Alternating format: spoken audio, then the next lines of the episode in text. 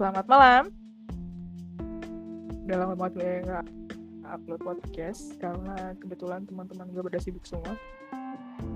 Dan hmm, kesempatan kali ini gue ada teman baru dari Paloran, Sang Gigi, Sarjana Paloran, joki kita tercinta, J. Halo semua. Nah, Oke. gue Eh, Haji Abdullah dari, dari Paloran juga. Tapi gue juga bikin podcast. Nama podcast Memori Ko- eh, eksklusif di Spotify juga. Jadi salam kenal semua. Dan udah udah pengenalan nih. Jadi nah, di apa pembahasan hari ini di podcast Anda? gue tuh udah lama banget pengen bahas tentang quarter life crisis karena kebetulan gue juga merasakan quarter life crisis jadi gue pengen ada teman buat ngobrolin hal ini kebetulan lu kayaknya bisa diajak ngobrol deh kayak topik-topik kayak gini bisa ya Kayaknya kayaknya bisa, bisa. Kayaknya bisa lah sekarang orang-orang lagi mengalami quarter life crisis di Ah. mana umur kita juga udah mulai masuk ke 20-an 20-an dah umur usia 20 tahun ke atas berarti ya hmm. kan sekarang kita tuh lagi mau dikit lagi lulus kuliah kan Iya. Yuk. Gua semester 8 lulus semester 10 Hmm. jadi sedang mengalami di mana kita memikirkan bingung mau jadi apa buat ke depannya sih kata kata gua. Ya gitu kan. Ya ngomongin soal kuliah nih Ja. Ji ya gue panggil lu. Katanya kuliah tuh meningkatkan intelektualitas intelektualitas kan kata lu. Kenapa lu bisa ngomong kayak gitu? Maksudnya lu pernah gak sih eh, menemukan masa di mana kelihatan banget nih intelektualitas antara yang kuliah dan maaf nih yang nggak kuliah gitu. Emang lu bisa melihat Enggak. perbedaan itu?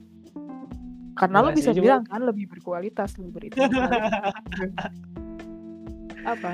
Tapi kan kalau kayak ngebandinginnya nggak ya nggak kuliah juga cuman kita ngeba nambah sedikit wawasan gitu kan. Ya kayak ngasih tahu perihal saham contohnya kan. Hmm. Perbedaan saham tuh gimana? Ini apa? Gitu kan sama orang yang mungkin lagi tergoda-godanya sama yang namanya saham gitu kan. Kita masih bisa ngejelasin karena hmm, kita masih bisa paham perihal trading atau itu. Cuma gue juga gak ikutan karena gue juga gak tahu gimana saham contohnya yang kayak gitu kan nggak semua orang tuh belajar tentang saham kan? Nggak semua orang tentang trading juga. Apalagi kalau orang-orang yang di daerah rumah gue yang masih di daerah kampung nggak paham tentang yang namanya trading atau usaha itu contohnya Iya, tapi kan Diji itu kan karena lu kebetulan eh, belajarnya ekonomi kan, jadi otomatis lu juga tahu lah tentang hal-hal yang kayak gitu. Sebenarnya yang mau gue bahas tuh gini, intelektualitas kan nggak harus tentang apa yang lu tahu kan. Maksudnya pola pikir lu, kapasitas lu dalam dalam menilai sesuatu itu kan pasti juga berubah. Iya nggak sih? Atau gue Iya. salah? iyalah Nah, menurut lu ada perbedaan nggak sih di situ? Di Ada. ya, ada kenapa? kalau kita kuliah gitu kan kalau kita kuliah ada sih perbedaan ada sih kayaknya kayaknya tapi nambah wawasan dikit perihal apa yang gue pelajari gitu apalagi tentang Iya. bagaimana manage waktu sama keuangan tapi keuangan gue nggak bisa manage itu dong Karena nggak ada duit ya. ya betul sekali tidak ada duit tidak ada pendapatan tidak ada pengeluaran oh, Ya banyak pengeluaran, Pak. oh tidak saya tidak ada duit dan tidak ada pengeluaran gitu kan gue mau beli Iya apa juga. gue mau ngabisin duit pakai apa karena nggak ada duit Ya kali lu mau lu kan ada micet tuh. Ya siapa tahu lu mau spend money di situ. Ada tolong ya Enggak ya? jangan suzon ke orang-orang ya tolong Nggak semua orang punya Enggak micet lu pernah cerita. Enggak. Lu sama aksen ada micet. Lu pernah bilang sama gua. itu itu kita cuma mau riset bagaimana perekonomian yang ada di micet itu Oh gitu. Terus hasilnya apa? Konklusinya apa dari lu gak kelihatan orang-orang nggak punya duit masih banyak yang masih banyak yang menawar-nawarkan kepada pem- pemilik jasanya si konsumen masih menawarkan masih tawar menawar perihal harganya berarti mereka gak punya duit buat nyewa jasa itu Kan kepuasan orang kan beda-beda, cuy. itu kepuasan sesaat nggak masuknya. Iya. ngapain coba? Ya karena ya udah nikah aja gitu gak usah ngapa-ngapain nikah gitu. Coba cari yang mau susah bareng gitu bikin nol dari nol bikin dari nol kan nikah ribet, cuy. orang zaman sekarang mah mikir nikah mah ribet. Kan udah banyak tuh yang menganut nggak mau nikah ah. Nggak mau punya anak ah. Karena ribet. Jadi mereka cari yang gampang aja. Ya udah kita ke aja lah atau kita ke sarkem aja lah gitu gitu kan. Nyari yang gampang mereka nggak mau ribet tapi nggak gitu juga konsepnya. Cuman kan nanti kepikiran lah si orang itu habis itu ya, besok ngapain ya? gitu lagi. Lagi kan. Ya intinya gitulah pasti. Kayak apa ya orang-orang kayak gitu yang mikirin besok mau gimana ya kita juga kepikiran lah besok mau jadi apa kan. Jadi kalau apa ya di saat masa pandemi gini kan kan kita kuliah online kan banyak kan ya. lebih banyak waktu untuk sendiri kan sama merenung gitu kan di waktu-waktu itulah kayak muncul kekhawatiran biasanya kan yang iya. datang paham gak sih kayak kalau sendirian iya, tiba-tiba iya. aduh tinggi gue ah inilah hmm. makanya kalau kalau lu mulai kepikiran kayak gitu coba lampiasin kayak kalau ada teman ajak ngobrol kalau gak ada teman ya nangis atau apa coba iya. contohnya tip main apa? game gue tipe Ah. yang kabur ke game olahraga atau makan atau ngobrol. Mending kayak gitu deh daripada overthinking kepikiran nanti bikin sakit daripada gitu. Coba dimanfaatin ke hal-hal yang sedikit berguna lah daripada lu sakit karena kepikiran hal yang sebenarnya gak bakalan terjadi kalau lu usaha gitu. berarti sebenarnya kita tuh beda banget ya Ci ya? Kayak lu begini gue kebalikannya. Karena gue tipe yang diem. Gue diem. Gue diem kalau gak ada duit. Nah mau nongkrong gak ada duit ya nggak bisa nongkrong cok ya kalau lu nongkrong gak ada temen ya sama aja. Eh, lu punya duit nih buat beli kopinya. Lu sendiri ngomong sama pemilik tokonya kan gak, gak lucu. Gak ada maksudnya kalau dia gak sibuk sih nong- ngobrol aja. Kan tiba-tiba ada orang yang nongkrong nih lima lima orang. Terus kita masuk hai mas. Hai, hai mbah. Mau ikutan gak kan gak gitu. Anda siapa? Nggak gitu juga kalau untuk kabur dari overthinking gitu. Itu kelihatan stres anda nanti. Tapi nggak apa-apa juga kalau ada orang kayak gitu kita welcome aja nah kalau ada yang nggak mau masuk silakan masuk mas mau minta slot atau apa gitu ya udah gabung aja nggak apa-apa tapi gue ngobrol sama temen gue gitu dia ngeliatin, mandangin, ngerekam, pulang, hati-hati lu. Makanya gitulah ya kan. Pokoknya Hmm. kalau dulu, bukan dulu sih, kalau salah satu cara menikmati masa kuliah gitu. Bukan masa Ya. kuliah masa-masa kita lah. Adalah dengan cara mengkhawatirkan nasib nanti di masa depan gitu kan. Mau jadi apa, terus mau sampai kapan enggak deh. Pokoknya mau kerja atau lanjut studi S2 atau S3, S4, mau nikah atau pending dulu. Kalau nikah mau ngidupin kalau gue sebagai cowok mau ngidupin anak dan istrinya caranya kayak gimana? Halal atau haram? Itu udah lo pikirin belum? Enggak enggak kepikiran kalau nikah mah. Santai aja bun. Nikmatilah nikmati Iya. dulu hidup. Kan kalau orang, orang zaman dulu nikahnya du, di umur 20 kan berarti kan iya muda cuy yang muda kalau gue ya pengen nikmatin keadaan gue sendiri dulu lah. Pokoknya gitulah. Pasti lah yang kepikiran zaman anak eh, bukan zaman anak saya. Kalau di umur 20-an tuh pasti kepikiran ya yang kayak gitu. Pemuda-pemuda tanggung yang lagi menjalani masa-masa kuliah pasti apalagi menjelang tingkat akhir lah dan menyambut kelulusan kepikiran yang notabene kayak mau jadi apa lanjut studi atau kerja nikah atau pending dulu ya kayak gitu pasti. Ya itu kan namanya quarter life crisis. Ya ke quarter life Iya. crisis kan intinya cuma overthinking mikirin hal kayak gitu. Apalagi kan sekarang ada insecurity dikit-dikit insecure dikit-dikit insecure kan ini kayak gitu juga kan ngelihat teman-teman kita udah ada yang kerja udah ada yang keluarga udah ada yang meninggal gitu. Iya. Kayaknya tuh gue lebih ke insecure daripada ke overthinking. Karena gue nggak terlalu overthinking. Kalau masalah mah hidup aja gitu loh. Pasti ada jalan. Cuman ada nikmatin syukuri hayati eh, meninggal gitu bener. dan itulah tapi kan kalau gue pernah ngobrol sama masalah yang kayak gini gitu kan Oh. kalau urusan kalau teman-teman gue pasti pernah insecure sama overthinking ya ujung-ujungnya adalah perasaan kayak rasa gagal dan nggak berguna gitu kan Mm-mm. Ketika temen gue juga ngomong apa sih kayak ngerasain hal yang sama ya di sisi satu sisi gue lega karena bukan gue doang yang ngalamin gitu tapi di satu sisi lain juga kita merasa ada apa sih kayak ngerasa ditampar kenyataan bahwa seiring bertambahnya usia Mm. bertambahnya pula tekanan-tekanan yang gue nanti hadapi itu Iya. jadi kerasa kalau ya quarter life crisis ya pemuda tanggung gitu mana fasenya berjalan cukup lama ya gitu katanya quarter life crisis juga kan bisa sampai di umur 30-an ya Oh iya. Perasaan insecure dan overthinking gitu katanya. Kalau yang perasaan insecure dan overthinking kan bisa dihilangkan katanya. Hmm. Katanya sama tujuan hidup. Oh iya sih. Kalau udah punya tujuan hidup kan fokus ke menggapai tujuan hidup. Iya. Lalu belum ada tujuan hidup. Nah, belum. Sekarang belum ada tuh. belum ada yang penting dapat duit banyak ya maksudnya tuh lu jangan cuman pengen dapat duit banyak dong tapi jalan ke sana tuh lu harus mikir juga cu. Ah, duit dengan banyak. cara apa kerja halal apa? mau haram bodo amat penting banyak duit. Ya udah lu ngepet aja kalau gitu. Nggak bisa itu udah zaman ya kan sekarang banyak. Tiba-tiba pesugihan tuh lu tinggal milih aja pesugihan pakai tumbal kayak nggak pakai tumbal kan ada.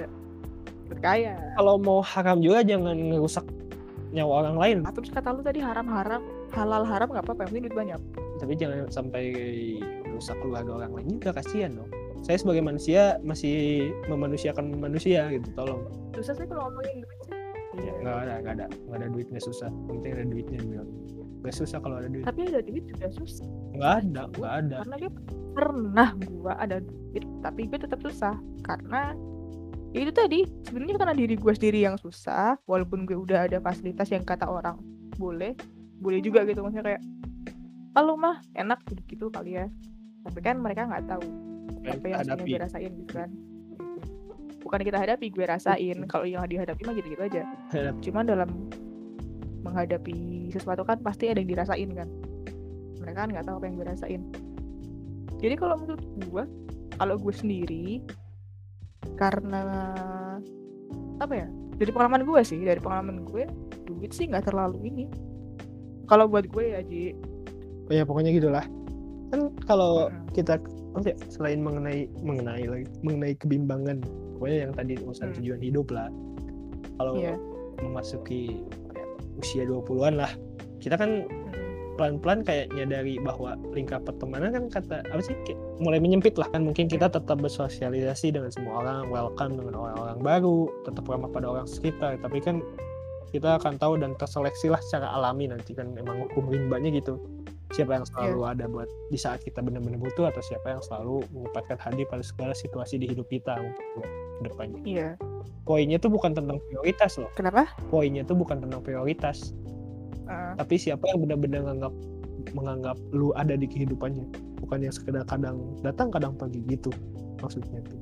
Itulah. Maksudnya kan gitu kalau di quarter life crisis tuh nggak selalu tentang insecure atau mungkin overthinking tapi lingkungan pertemanan juga ngaruh sih kata gue ukurannya kan bukan siapa lagi yang lebih lama atau paling lama sama lu gitu, tapi siapa yang memperdulikan lu misalnya nih kan gue ngekos Ya. kan ngontrak gitu. Iya. kalau nggak kalau nggak sekamar berdua pasti di sisi kamar gue tuh ada orang entah Hmm. itu mbak atau emas atau siapa pun yang satu hunian dengan lu mereka adalah Ya. orang yang lama bersama lu walaupun berbatas tembok itu. Lu dek, eh, gua deket dengan mereka tapi bisa bisa aja mereka tidak peduli dengan lu gitu. Lu udah deket nih, tapi Hmm. nggak peduli gitu dia gitu. Iya iya iya iya gue paham Hmm. sih nggak gitu. Hmm, mereka nggak tahu nggak tahu uang lu berapa nggak tahu lu udah makan atau belum nggak tahu apa kegelisahan lu. Nah apa ya mungkin nggak tahu lu ada di kosan itu juga. Mungkin maksudnya kayak nggak tahu lu ada di situ mungkin lagi main atau apa. Iya sih gue setuju nggak gitu kita nganggap orang teman belum tentu orang nganggap kita teman juga Mm-mm. Tapi kan kalau ada temen lu yang udah jaraknya 10 km atau mungkin udah jauh beda pulau aja, dia bisa kayak temen lu itu bisa cemasin lu gitu, mengetahui dirimu nggak baik-baik aja gitu. Kemudian kalian saling menyempatkan diri di tengah kesibukan buat saling ketemu walaupun beberapa menit Iya. dengan alasan ngajak ngopi atau healing gitu kan. Pergi ke suatu Hmm. tempat gitu kan. atau dengan dalih Hmm. Mengantarkan makanan untuk saling berbagi cerita gitu tentang kawan dan peristiwa yang lagi sedang dihadapi gitu lah. Saya Iya. cuma ingin tahu aja gitu, lu baik-baik aja atau enggak gitu. Bukan Hmm. tentang menjauhkan yang dekat dan mendekatkan yang jauh, tapi seorang yang benar-benar saling menaikkan emosi dan saling eh, berada dalam lingkungan sosial masing-masing gitu kan. Nah, baru lagi kayak lu perempuan masuk umur 20-an kan tentu ada tuntutan yang terselip. Biasanya sih apa ya ada rekode kayak udah ada calon belum? Gitu kan. Kapan nikah? Atau saat Iya. menggendong anak kecil udah cocok loh cepet nikah lah gitu kan. Itu itu banyak sih. Hmm, apalagi kayak banyak eh sekolah mulu nikahnya kapan? Cewek sekolahnya gak usah tinggi tinggi nanti juga larinya ke dapur gitu kan. Gitu. Tapi kalau gue nggak peduli sih kayak gitu kan. Kenapa? Iya nggak peduli aja karena itu kan gue bilang gue bukan overthinking. Hmm, gue orangnya ignorant bagus sekali gue cuma insecure doang. Bagus berarti lu masih bisa meme apa sih? Oh ya bisa menahan omongan-omongan yang dianya jangan didengar gitu. Kan ya kalau cuman ada masalahnya jadi ya udah gak apa-apa lah insecure aja kali-kali. Nggak ada masalahnya ketika gue nggak peduli dengan omongan orang tentang gue maksudnya orang tuh pengennya kan gue misal nih lu ini dah lu begitu dah.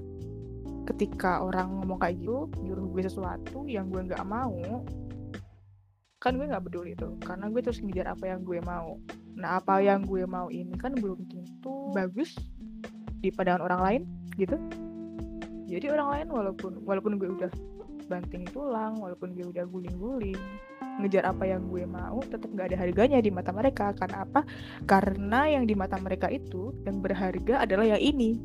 Sedangkan gue yang satunya. Lu nangkap gak apa maksud gue? Nangkap nah itu sih. Itu itu sebenarnya jadi masalah banget buat hidup gue jauh lebih gimana meyakinkan orang bahwa dia bahwa gue itu pengen hidup sesuai dengan apa yang, yang pengen. benar sesuai apa yang gue mau. Karena gue udah pernah hidup gimana pun juga. Udah pernah hidup begini udah hidup begitu. Dan sekarang gue cuma pengen bahagia aja.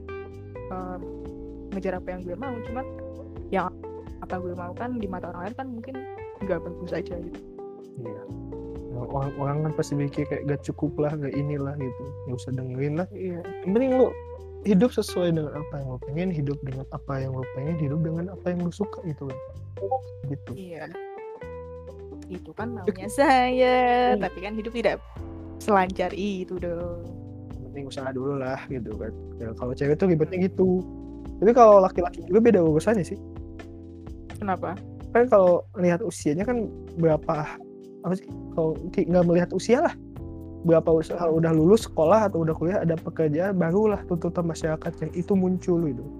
Kan beda sekali Iya dengan perempuan lah yang serasa diikat Mm-mm. ketakutan disebut perawan tua atau kalau nggak Iya. cepet nikah nanti nggak laku-laku atau mau tidak perlu dengan omongan orang sekitar ini nanti dicap antisosial. Gitu kan. Mau peduli dengan omongan sekitar ya pusing sendiri. Kalau udah gitu kan sat- satu-satunya hal yang bisa menyelamatkan ya lu sendiri gitu. Ini hidup gua semua yang terjadi harus dalam kontrol kendali da- dan kendali gua sendiri gitu kan. Jadi gak usah ikut Iya. ikutan lu siapa? Lu sosok ngatur. iya lu siapa? Tapi kan ah, ada Iya gue bilang lu siapa? Juga mereka nggak peduli kan. Mereka tahunya gue harus gini harus gitu. Itu kan masyarakat dan keluarga biasanya kan kayak gitu juga. Tapi kalau gue lihat emang cowok tuh bebannya lebih gede sebenarnya. banyak sih yang dipertaruhkan buat cowok. Cowok cewek juga sih banyak yang harus bertaruhin nyawa lagi. Itu kalau melahirkan ya soalnya cowok gak mau ngelahirin. Ya kalau lu mau ngelahirin nggak apa-apa sih nyoba aja sono nggak makasih. Takut sih. Makanya setiap setiap manusia pasti banyak beban lah intinya. Cuman nggak terlalu di ada yang nggak terlalu dipikirin ada yang kepikiran ada yang mati. Karena terlalu berat. Tidaknya mereka udah berusaha lah. Udah menerima apa yang selama ini mereka kerjakan. That's life. Bagaimana lagi masa kalau kita benci tentang masalah yang kita ada kita berhenti hidup ya itu emang ada opsi untuk berhenti hidup sih. Cuman kayak itu opsi yang tidak benar gitu. Ada gak sih ya cara meringankan beban quarter life gitu kan? Gue nggak tahu. Ada mungkin. Kayak ingat-ingat lagi gitu alasan lu untuk memulai segala sesuatunya dahulu gitu. Kan setiap perjuangan dan cita-cita berawal dari sebuah keinginan dan mimpi yang ingin diwujudkan. Namun pada prosesnya kan nggak semudah yang kita pikirkan atau nggak selancar yang dibayangkan dulu gitu. Terkadang kenyataan membuat kita yang sedang berjuang menjadi lemah dan mulai menyerah gitu kan. Makanya ada orang yang mungkin udahlah coba gantilah inilah gitu kan. Tapi ada yang mereka masih berusaha untuk menggapai apa yang Ya. mereka inginkan gitu. Cuman kayaknya susah sih Ci untuk dapat kesadaran itu. Kan kita kan kalau misalnya orang pusing tuh kan nggak sadar ya orang. Misal kita katakanlah anxiety dia punya anxiety lah dia punya depresi gitu gituan mereka kan nggak sadar maksudnya karena mereka udah terfokus dengan perasaan yang ada di dalam diri mereka yang sedih itu yang banyak banget yang banyak yang sangat menekan itu kan mereka jadi nggak fokus. Mereka jadi susah. Berarti mereka udah nyerah dong? Kenapa? Mereka maksudnya kayak mereka nggak bisa memikirkan solusi berarti kan? Karena mereka saking kepikirannya saking insecure sama sama tingginya mereka Mhm. sampai babak belur lah contohnya kita sampai nggak bisa berpikir jernih gitu kan? Tapi kan kalau jika itu sedang apa sih kayak kalau lagi kepikiran kayak gitu kalau emang nggak bisa mikir tapi cobalah ingat gitu. Ingatlah kembali apa yang cita-cita lu pengen apa yang kamu wujudkan gitu. Kebahagiaan seperti apa yang ingin lu gapai dan sebagainya. Apa alasan terbesar lu untuk memulai segala sesuatu yang sedang lu lakukan dan siapa orang yang akan kamu bahagiakan serta ingatlah mengapa kamu memulainya dulu. Jadi harus fokuslah pada tujuan akhir gitu kan. Tentang statementmu yang itu tuh gue bisa bantah. Karena untuk nyari kesadaran di saat lu puyeng itu susah banget cuy karena lu udah gak bisa berpikir jernih gini lu harus bisa mikir jernih kalau perasaan lu juga bisa Iya, jernih gitu. Ngerti gak sih maksud gue? Nah ketika lu tuh sedih lu galau lu tertekan dengan apa pun kayak udah lah ini masalah kok gede banget ya gue gak bisa nyelesain. Lu mau sadar juga susah cuy karena yang lu pikirin tuh cuma gimana tuh perasaan ini tuh hilang. Bukan gimana gue harus inget lagi. Ya mungkin harus ada kali ya keingetan itu. Kayak susah aja. Susah sih cuy. Tapi gue nggak tahu sih per orang kan beda gitu. Ya nggak semua orang kayak gitu tapi semoga orang-orang yang tidak semua itu bisa setidaknya berpikir kembali apa yang mungkin mereka inginkan gitu tapi kan ada nih yang kalau nggak kepikiran kayak gitu mungkin bisa rehat sejenak gitu. Tenangkan diri dan pergilah untuk healing gitu atau berlibur. Coba kan kayak kan karena terlalu banyak pikiran coba tenangin diri gitu kan, untuk menenangkan pikiran ya. Tidak memikirkan hal-hal yang membebani pikiran. Pokoknya cobalah untuk rehat sejenak seperti liburan menyendiri dari orang-orang sekitar. Nggak perlu jauh-jauh gitu. Menarik kalau kayak pandemi kayak gini kan naik motor keliling kota juga atau kamu hanya butuh untuk mengisi ulang semangatmu gitu kayak beli apa kayak yang bikin lu semangat itu kan. Beli makanan beli baju beli apa. Jangan terlalu overthinking dan coba sedikit cuek. Quarter life crisis itu nggak sebecanda itu. Jadi jangan biarin pikiran lu sebecanda itu sama hidup lu gitu kan terus coba jangan ngebuka laman media sosial untuk sementara waktu gitu kan. Sosial media itu nyatanya jadi alasan pentingnya untuk membuat seseorang down atau insecure gitu kan. Apalagi overthinking. Karena terlalu sering membanding karena terlalu sering membandingkan hidup lu sama orang lain tuh kan harus diingat bahwa apa yang lu lihat di sosial media itu adalah adalah yang tak inginkan adalah yang tak ingin orang ketahui tentang hidupnya gitu mereka cuma ngupload pas seneng-senengnya kan.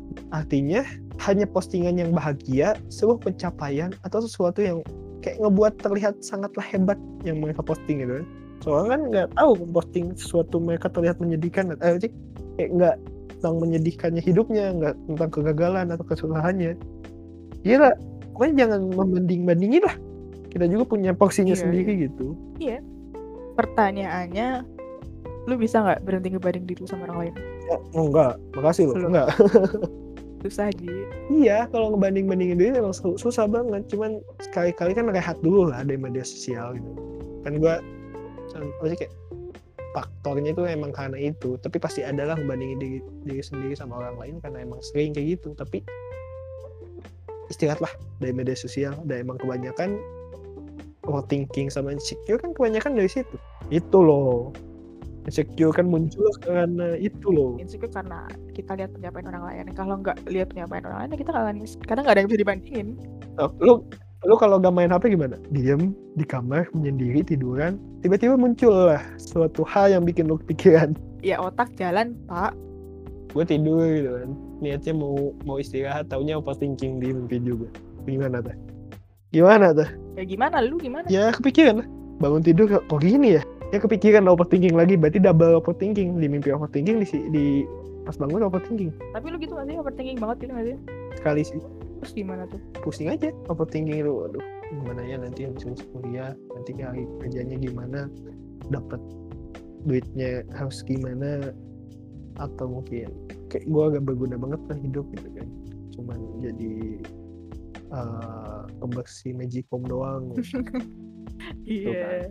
Tapi pas gue lihat kita lingkungan gue kayak mereka butuhin gue ya. Setidaknya mereka ada yang butuhin gue gitu. Jadi kayak merasa hidup. Jadi jangan terlalu berpikir kayak lu tuh nggak berguna. Jangan berpikir kalau kayak lu tuh nggak nggak Iya, seberguna itu tapi lu berguna di kehidupan orang lain tuh. Jadi tetaplah hidup tetaplah semangat hidup. Iya. jangan jangan menyerah.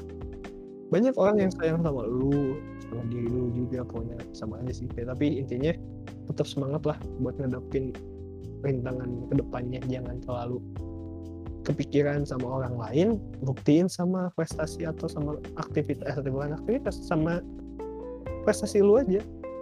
Prestasi nggak sesuai apa nggak terlalu, selalu Iya. tentang piala tapi eh, dilihat dari semangat hidup lu. Lu lu pengen dapet duit kerja keras usaha inget istirahat jangan tahu kerja kerja kerja nanti meninggal gitu. saking banyaknya orang kan pasti beda-beda quarter life crisisnya gitu jadi Iya. kalau emang ada yang bisa kayak sih masih ada eh, hal-hal yang bisa ngebantu walaupun dia nggak terlalu ngebantu yang penting dianya membantu untuk keluar dari zona itu kalau emang nggak kuat kuat lu nggak menghadapi quarter life crisis coba ke psikolog gitu kan kalau yang ke psikolog itu pasti de- depresi kan tapi kan depresi juga Iya. pasti me- emang butuh didengerin tapi didengarkan doang kan nggak cukup buat nyembuh- nyembuhin depresi itu seakan kalau kita dengerin keluhannya berarti depresi itu hilang kan Jadi, jatuh- Iya. tapi nggak depresi dianggapnya kayak tumpukan sampah yang perlu dibuang begitu dibuang ya tumpukannya hilang gitu. Lu pernah nggak sih Ah. depresi gitu emang? sih pernah tapi Pernah kayaknya ya. nggak cerita Kenapa? gue sakit Keburu sakit. nggak tahu dah Cerita kayaknya apa emang mungkin karena terlalu depresi jadi karena tipes Terus akhirnya lu cerita tahu Tentang apa lupa gue dari situ lama Kalau gue pernah, jujur pernah. Adalah lu masalah apalah gitu. Ada di titik di mana opsi untuk berhenti hidup itu ada. Cuman waktu itu itu iman gue itu belum anjing. Kembali ke kata anda tadi, kita harus sadar. Nah, jadi kita harus sadar. Gue sadar di situ. Terus ya. Gue hidup dengan apa yang gue rasain aja sekarang. Karena dalam depresi itu sebenarnya gue menemukan banyak pemikiran yang membuat gue bisa lebih melihat dunia ini dalam kacamata yang berbeda. jadi setidaknya kamu mampu menghadapi hal itu dan setidaknya yang penting Hmm. jangan terlalu terlalu dipikirin. Yang penting lu semangat hidup kata gue juga. Jangan kalau emang notabene kita lagi depresi banget Iya. coba lu lihat lu buka jendela lu amati sekitar lingkungan lu. Mm-mm. setidaknya kita ngelihat orang-orang ketawa ketiwi aja udah nyaman gitu. Jangan ngelihat yang sedih. Bisa Iya, bantah oke. lagi hal itu. Tapi kalau Gue gitu ngelihat ngelihat ngelihat orang lain bahagia. Kayak ngelihat masyarakat di sini kayak bahagia mereka hidup dengan kesenangannya sendiri gitu kayak gue pasti gue pasti Iya. kayak gue mikir kayak gue juga bisa kayak gitu kalau gue gue seneng gitu Tapi kan kalau orang lagi di bawah gitu kan kita katakanlah dia di bawah gitu. Dia nggak kepikiran apa-apa. Ya dia cuma hidup. sama perasaannya dia sendiri, sama apa yang dia lakuin. Dia pengen kok, dia pengen terus berjalan. Cuman kadang-kadang di fase terendah itu tuh susah buat nyari kesadaran itu. Jadi sebenarnya gue nggak terlalu. Kalau ada nih, kalau misal ada ada kasus nih ya, ada kasus orang mengakhiri hidup. Terus kan pasti di komen netizen banyak tuh ah karena dia tidak oh, iya tidak istighfar lah tidak tidak banyak beriman gitu gitu kan. Kalau menurut gue memang berpengaruh sih. Keimanan kita itu memang sangat berpengaruh untuk kayak gitu cuman iman aja nggak cukup sih kata gue kenapa gak cukup? Karena ada hal lain. Im, iman ada itu kan teman gue iman. Temen gue juga ada cewek namanya Iman. Iman katakanlah Iman itu kan kayak yang ngasih kita petunjuk nih. "Oh, kalau berbuat kayak gini itu salah. Berbuat kayak gini itu benar. Jadi kita tuh punya petunjuk untuk terus berjalan ke arah yang benar. Hmm. itu iman kita kan. Cuman kan kita sebagai manusia punya ego. Ego dalam diri kita nah ego ini tuh kadang sudah dikendaliin sih. Ego ini itu kadang bertolak belakang sama keimanan kita. Katakanlah iman itu kan harusnya dalam hati ya tapi kan susah tuh zaman sekarang. Iman itu pasti cuma adanya di dalam pikiran kita kadang-kadang untuk beberapa orang. Karena gue percaya sih masih banyak orang yang beriman dalam hati tapi di sekarang itu juga banyak cuma yang beriman dalam kepala alias mereka melogikakan semuanya. Hmm. harus dilogikakan mereka imannya sebatas itu. Nah untuk orang yang lagi di bawah ini dengan keimanannya sebatas itu dengan ego yang ego yang nggak bisa dikontrol mereka ngikutin egonya. Mereka ngikutin ah enggak ah aku sedih aku pengennya kayak gini. Mengikuti apa yang mereka rasakan mengikuti apa yang mereka inginkan mereka mengikuti apa yang mereka lu, lu pernah kan? Lu, lu cerita sendiri lu pernah di masa yang terbawah itu kan? Terus terus gimana tuh Ci lu. Ngadepinnya. Mm-mm. dengan makan. Bangke. Itu mah manusia semua ikut yang makan Cuk. kita ini dah kayak berserah diri lagi guys. Kalau emang kurang iman sama kepentingan ego dan diri sendiri berarti Iya, kita masih kurang dalam hal.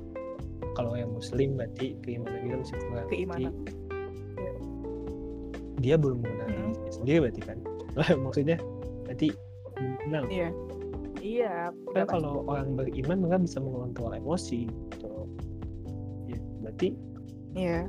ada aturannya di di setiap agama Gimana juga aturan iya. bagaimana mengontrol emosi. Atau mungkin gitu kan hanya di uh, umat Islam Iya. orang beriman itu mereka berkepala Hmm. bisa memahami dirinya sendiri Iya. bagaimana emosi kayak gitu kan. sih gitu jadi kita kurang setuju Pak kayak gitu Ustaz. contohnya. setuju banget gua. Kalau depresi iya. kita gak tahan coba memahami diri itu sendiri. Oh kalau di agama nggak boleh diri. Oh di agama kita nggak boleh bunuh diri sendiri. Berarti berserah diri lagi ke Allah. Allah tuh tuh. Iya. Gue setuju untuk bagian keimanan. Gue setuju banget. Cuman nggak semua orang bisa dapet Iya. kesadaran untuk kembali ke keimanan mereka di saat yang terbalik balik lagi ke diri kita sendiri gitu kan iya makanya diri sendiri. Makanya quarter Hmm, life crisis itu kan masing-masing harus, Ya. harus dipahami sama diri sendiri juga makanya. Depresi juga kan nggak sederhana tidak sederhana. Mungkin ada trauma makanya jadi depresi gitu kan. Orang introvert Yep. oh orang introvert tuh jadi sering depresi gitu mudah depresi. Atau mungkin orang tuanya depresi pantas sih didikannya jadi gampang depresi juga gitu. Depresi depresi enggak juga sih gitu. beda-beda kan Pak? terjadikan satu Iya. faktor apa sih tunggal selalu ada hal lain yang membuat Hmm. hal itu terjadi iya bener. tapi dok akan depresi temanku itu dari dibully online akar gangguan jiwa Hmm. tidak bicara tentang satu atau tema eh, sih satu tema atau kejadian tapi kompleksitasnya yang sangat rumit Ya. dari faktor biologis Hmm. psikologis dan sosial gitu kan makanya nggak Iya, jarang juga setuju. orang dengan depresi mengalami ragam emosi dan pikiran yang apa ya nggak terlalu banyak lah. Sih, membingungkan sehingga tidak tahu harus bercerita apa dan dari mana. Ya kayaknya rasanya udah terlalu penuh nggak bisa Iya. bicara apa pun gitu. Sehingga yang terucap aku nggak apa-apa gitu. Apa kok nggak apa-apa. Iya. Lu gitu ya? Enggak lu gitu Ji?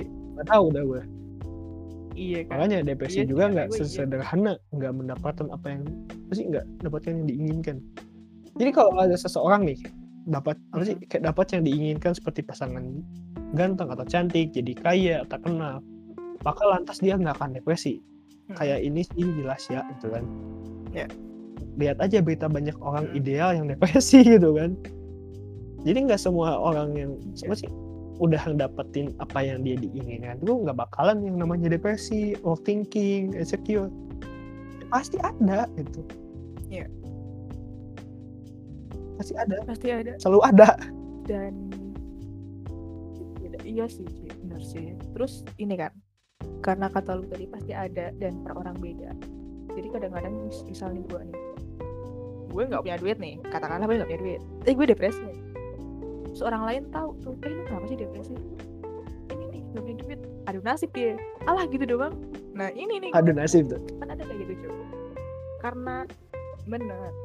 Karena adanya perbedaan dalam kita menghadapi masalah antar orang itu kan jadi terjadi adu nasib selalu di sih itu situ kalau yang ada nasib gitu. Di mana pun kapan pun ya kan selalu ada orang yang kayak gitu. Kalau semisalnya ada orang yang kayak gitu cobalah mendukung untuk saat dia keluar dari depresi itu. Jangan kayak lah gitu doang. Gue gini loh gitu kan. Jangan kayak gitu. Ini malah ngebuat orang itu makin depresi gak sih kalau ada yang iya cuy benar tapi kan nggak semua orang punya kesadaran kayak gitu. Nggak semua orang punya kesadaran untuk memahami orang lain untuk menurunkan ego dia dan menganggap orang lain itu tidak Mm-mm. Nggak nggak semua orang itu bisa eh, bertahan di kehidupan apa sih bertahan dengan masalahnya jadi sebagai manusia gitu kan Ya. kita harus bisa memahami bukan memahami dah bisa mendukung apa yang terjadi sama um apa sih sama sesamanya gitu jangan dikit-dikit dibandingin jangan dikit-dikit Iya. diomongin gitu tapi cobalah dibantu atau mungkin dikasih semangat kan gitu kan contohnya Iya. itu eh kan tadi gue Iya. bilang sitas kan tadi depresi banyak lagi kan. Eh kalau oh ya? Kalau misalnya contohnya nih kan kalau Apa sih? Depresi eh karena kompleksitas penyebabnya kan. Contohnya kayak struktur gen ditambah faktor keturunan coba ya trauma Ya. pola asuh pros- ditambah proses pikir sama Hmm. mekanisme dependensi eh, defense emosional nggak bisa nahan, nahan emosi sama support system dan stresor terjadilah depresi kalau kalau di biar lebih mudahnya kayak kalau kebakaran melahap satu komplek perumahan gitu kan solusinya kan nggak cuma matiin sakal listrik kan Hmm. Iya. kita perlu memanggil pemadam kebakaran, kerja sama nyiram, nyelamatin yang terjebak, dan lain-lain. Semua dilakukan sekaligus. Jadi yang kata gua tadi yang di awal didengarkan Iya. itu, yang didengarkan itu adalah salah satu cara memadamkan ke- eh, kebakaran akibat depresi. Gitu. Mm-mm. Pertolongan pertama. Tapi yang lain juga gitu. perlu gitu eh, dilakukan kayak konsultasi rutin, minum obat Ya, jika setuju. dibutuhkan, bangun support system, latihan eh, bagaimana menahan emosi, didengarkan dengan tepat ya sama orang yang tepat dan sebagainya semua sekaligus karena depresi itu butuh didengar gitu kan. Gue setuju sih Jadi- dengan itu. Jadi apa menurut lu Cuman- kalau diduk Enggak gitu. jadi apa? Enggak jadi jadi apa?